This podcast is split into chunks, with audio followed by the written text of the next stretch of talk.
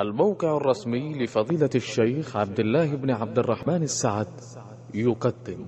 أحسن الله إليك شيخنا. سائل يسأل عن مسألة العذر بالجهل. نعم فيما يتعلق بالعذر بالجهل يعني هل الإنسان يعذر بجهله أو لا يعذر؟ في أشياء يعذر بها الإنسان بجهله وفي أشياء لا يعذر بها الإنسان بجهله. نبدأ بالأشياء التي يعذر بها الإنسان بجهله. نبدأ ما جاء في الصحيحين في قصة الرجل الذي أمر أهله أن يحرقوه أن ينتظروا يوم ذو ريح فيحرقونه وينثرون رماده في البر والبحر. قال لئن قدر الله علي شك في قدرة الله بسبب جهله. فعاده الله عز وجل وهو أعلم سبحانه وتعالى. فقال لماذا فعلت ذلك يا عبدي؟ قال خوفا منك فغفر له. فهنا عذر بجهله. وما كان دون ذلك وما كان دون ذلك. من ذلك ما حصل ل آه، من اللي قال له عليه الصلاة والسلام إن وسادك لعريض وهو عدي؟ بن حاتم الطائي. قال كان يأتي بخيطين أبيض وأسود ويأكل حتى يتبين له الأبيض من الأسود. وهذا لن يتبين له إلا بعد طلوع الفجر بمدة. فقال إن وسادك لعريض ثم بين له عليه الصلاة والسلام وما أمر بإعادة ما مضى. ومثله الصلاة الذي أساء في صلاته. قال صل فإنك لم تصلي. والظاهر أن الصلوات الباقية مثل ذلك. ولم يسأل عليه الصلاة والسلام. لأنه قد أعاد ثلاث مرات وهو صلاته هي هي. وقال والذي بعثك بالحق لا أحسن غير هذا. فيدل على أن كل صلاة الباقية مثل ذلك. نعم. فما أمر بإعادة ما مضى. ولذا في حديث حذيفة بن اليمان الذي رواه ابن ماجه والبزار قال يدرس الإسلام كما يدرس وشو الثوب حتى ما يدرى ما صلاة ولا صدقة ولا صيام. يقولون أدركنا آباءنا على هذه الكلمة لا إله إلا الله. فقال حذيفة فقال عفوا صلة بن زفر يقول حذيفة ما تنفعهم لا يصلون ولا يصومون أعرض عنه مرة ثانية الثالثة قال بل تنفعهم بل تنفعهم. هؤلاء بقي عندهم كلمة التوحيد. لكن الصلاة ما عندهم علم بها جاهلون لها أو يجهلونها. وكذا الصيام يدرس الإسلام كما يدرس وجه الثوب حتى ما يدرى ما صلاة ولا صدقة ولا صيام. الصدقة هنا الزكاة ولا صيام. ما يدرون عن ذلك. فلكن عند يكون أدركنا آباءنا على هذه الكلمة لا إله إلا الله. فعندهم أصل التوحيد أصل الإسلام. فقال حذيفة بل تنفعهم يعني يعذرون بجهلهم الذي حصل لهم. نعم. أما في أصل التوحيد في عبادة الله وحده لا شريك له فإنهم لا يعذرون فإنهم لا يعذرون يعني مع من دعا الأموات واستغاث بهم وصرف إليهم العبادات أو بعض العبادات من الذبح والنذر وغير ذلك فإنه وقع في الشرك الأكبر. وإذا مات على ذلك فهو كافر.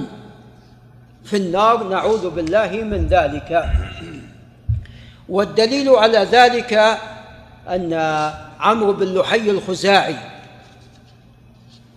استحسن اجتهد اجتهاد فاسد استحسن عبادة الأصنام وجعلها واسطة في عبادة الله عز وجل. ما نعبدهم إلا ليقربونا إلى الله زلفى. يعني المقصود بالعبادة هو الله. هذه واسطة تقربنا منهم. كما يفعل الآن عباد القبور يقولون نريد شفاعته. يشفعون لنا هؤلاء الأولياء والصالحون. فعمرو بن لحي هل كان معذورا بذلك؟ لا. أخبر عليه الصلاة والسلام أنه يجر قصبه في النار لأنه أول من غير دين إبراهيم. طيب الذين تابعوا على ذلك ما حكمهم؟ مثله حكمهم كحكمه حكمهم كحكمه. ولذا أحد التابعين كما في سنن الدارمي في المقدمة خطب في مجلس عمر بن عبد العزيز من طريق خالد بن معدان عن هذا التابعي خطب في مجلس عمر بن عبد العزيز قال وكان الناس الذين قبل البعثة من مات منهم مات إلى النار. وهذا نقل الاتفاق عليه والدليل عليه في القرآن. ما كان للنبي والذين آمنوا أن يستغفروا للمشركين ولو كانوا أولي قربى من بعد ما تبين لهم أنهم أصحاب الجحيم. أصحاب الجحيم. قال الله تعالى وكنتم على شفا حفرة من النار. قال مجاهد لو متم لوقعتم فيها. قال مجاهد لو متم لوقعتم بهذه الحفرة. النار. نعوذ بالله من ذلك. فإذا من كان مثله فحكمهم كحكمه. إذا من باب أولى الذين في هذا الوقت إذا كان أهل الجاهلية مشركي العرب ليس عندهم كتاب ناطق ولا سنة محفوظة. عندهم بقايا من دين إبراهيم عليه السلام. من مات منهم على الشرك ليس بمعذور ولذا لم ينقل عذر أحد إلا آه، اسمه نعم ورقة بن نوفل. جاء في بعض الآثار أنه ناجي. وأيضا سعيد نعم عفوا زيد بن عمرو بن نفيل والد سعيد كان على دين إبراهيم. أيضا جاء بأنه ناجي. فمن كان على التوحيد ناجي وأما اللي على الشرك فهو في النار. ولذا عندما قالت عائشة رضي الله عنها إن ابن جدعان كان وكان يطعم ويتصدق ويفعل قال يا عائشة إنه لم يقل قط رب اغفر لي خطيئتي يوم الدين. ما أفرد الله عز وجل بالعبادة وبالدعاء وبالإخلاص إليه سبحانه وتعالى. فهو إذن في النار. نعوذ بالله من ذلك. ولذا في صحيح مسلم لا يسمع به أحد من هذه الأمة يهودي ولا نصراني. ثم لا يؤمن بالذي جئت به إلا كان من أهل النار. استثنى اليهود والنصارى. لأنهم في الأصل على توحيد على دين صحيح. إذا الذي لا يسمع من كان على التوحيد والدين الصحيح ولم يسمع ببعثة رسول الله عليه الصلاة والسلام وهو باق على دين عيسى الصحيح أو دين موسى الصحيح. فهذا ليس من أهل النار. طيب لماذا لم يذكر المشركين؟ لأنهم ماذا؟ نعم ليسوا على دين صحيح على شرك وكفر وضلال. وظاهر القرآن على هذا الآيات في هذا كثيرة. الآيات في هذا كثيرة جدا كما هو معلوم. فإذا يدعون الأموات الآن ويستغيثون بهم ويذبحون وينذرون لهم فهؤلاء مشركين شركا أكبر. نعم أهل العلم اختلفوا فيهم. هناك من لم يكفرهم والصواب أنهم كفار. لكن الذين لم يكفروهم وعذروهم بالجهل الذين لم يكفروهم وعذروهم بالجهل هل نحكم بكفرهم؟ لا. لا لا يحكم بكفرهم. هؤلاء علماء اجتهدوا ونقول أخطأوا. هؤلاء علماء اجتهدوا ونقول أخطأوا. ومن يقول بكفر هؤلاء الذين لم يكفروهم فهذا قول ليس له أصل. من لم يكفر الكافر فهو مثله هذا في الكافر الذي لم يختلف فيه. هذا من كان يهودي ونصراني ووثني وأما هذا قد اختلف فيه. هذا مثل تارك الصلاة. قد اختلف فيه. أنا أقطع بأن اللي أجزم به أن تارك الصلاة كافر. لكن من خالفني أقول قد أخطأ. وقد خالف من جمهور أهل العلم من المتأخرين. أما الصحابة فنقول اتفاقهم على كفر تارك الصلاة. وأيضا التابعون أكثرهم ما عدا الزهري. كما نقل الإجماع على ذلك الحسن البصري.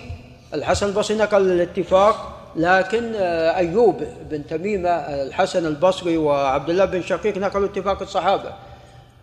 أيوب بن أبي تميمة نقل الصحابة ومن أتى من بعدهم وهو تابعي صغير المهم الزهري خالف في ذلك كما بين محمد بن نصر المروزي في كتابه تعظيم قدر الصلاة.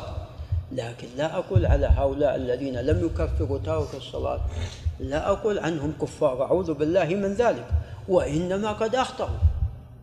كذا أيضا الذي يتأول صفات الله ولا يثبتها على الوجه الذي يليق بالله سبحانه وتعالى. ومن ذلك يعني النووي وغيره كثير الأشاعرة وهم كثر. أقول نعم هذا الكلام باطل والأصل في القول هذا قول كفري ولكن لا أقول بكفرهم وإنما أقول أنهم قد أخطأوا الصواب في هذه المسألة. وأما من يقول بكفر فهذا القول ليس له أصل. إذا قال بكفر هؤلاء طيب الذي لم آه، نعم الشخص الذي يقول أنا لا أكفر هؤلاء العلماء الذين خالفوا في هذه المسألة. إذا عند هذا الشخص اللي ما يكفرهم ماذا؟ كافر. وبالتالي يتسلسل ماذا؟ يتسلسل الدور في التكفير يبقى هو. ومن كان معه في هذا القول فهذا القول ليس بصحيح. هذا القول حادث وليس بصحيح. وقد قال الله عز وجل فلا وربك لا يؤمنون حتى يحكموك فيما شجر بينهم. ثم لا يجدوا في أنفسهم حرجا مما قضيت. ويسلموا تسليما. يسلموا تسليم ولا يكون في أنفسهم حرج مما قضيت. هذا رد. الآن يعني نقرب الصورة أكثر. لعل أبو فيصل ينتبه. نقرب الصورة أكثر. لو أن شخصا كان موجود عندما أساء هذا الرجل الصلاة بحضرة رسول الله صلى الله عليه وسلم. وقال يا رسول الله أنا أقول إن صلاة هذا الرجل نعم ناقصة ولكن ليست بباطلة. واحد موجود. مثلا عندما أساء هذا الإنسان في الصلاة وقال له عليه الصلاة والسلام ثلاث مرات صلي فإنك لم تصلي. قال شخص موجود. يا رسول الله نعم هذا صلاته نعم ناقصة أساء أخطأ لكن لا ما تبطل الصلاة. أنا ما أقول ببطلان الصلاة. جعل نفسه ماذا؟ مشرع مشرع جعل نفسه رسول مع كما قال مسيلمة. اجعل لي اجعل لي نصيب من الرسالة. لك نصف ولي نصف. نعوذ بالله من ذلك. نعوذ بالله من ذلك. ولذا ماذا قال عز وجل؟ ولا يشرك وفي قراءة سبعية ولا تشرك في حكمه أحد.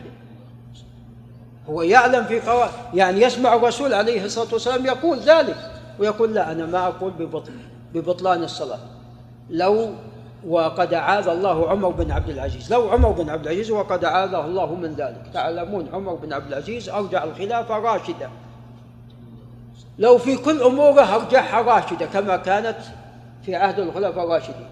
قال إلا مثلا تعدد الزوجات ما في إلا واحد يتزوج بس واحدة. اللي يتزوج بثانية أو ثالثة هذا جريمة.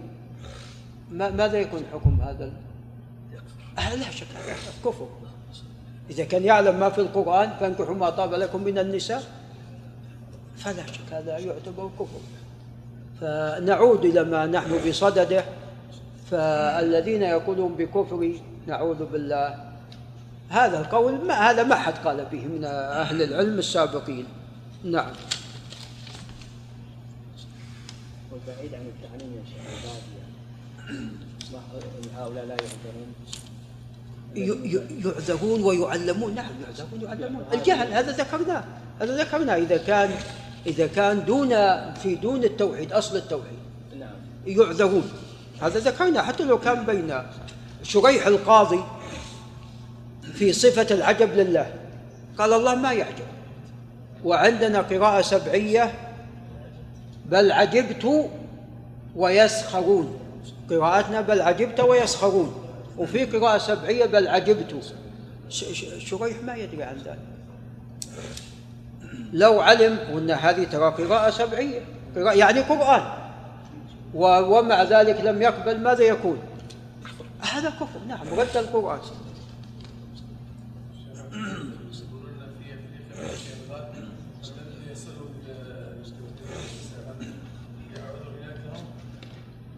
والله أنا عندي الح... يعني هذه محل خلاف بين أهل العلم. أما مشرك العرب فالحجة قائمة عليهم ببعثة إسماعيل. دعاهم إلى دين إبراهيم ولذا هم جلسوا قرون على دين إبراهيم عليه السلام. والآن نتحدث عن من ينتسب إلى الإسلام إن كان هؤلاء ينتسبون إلى الإسلام ويدعون الأموات فهم كفار. لأن وقعوا في الشرك الأكبر وذكرت الأدلة قبل قليل.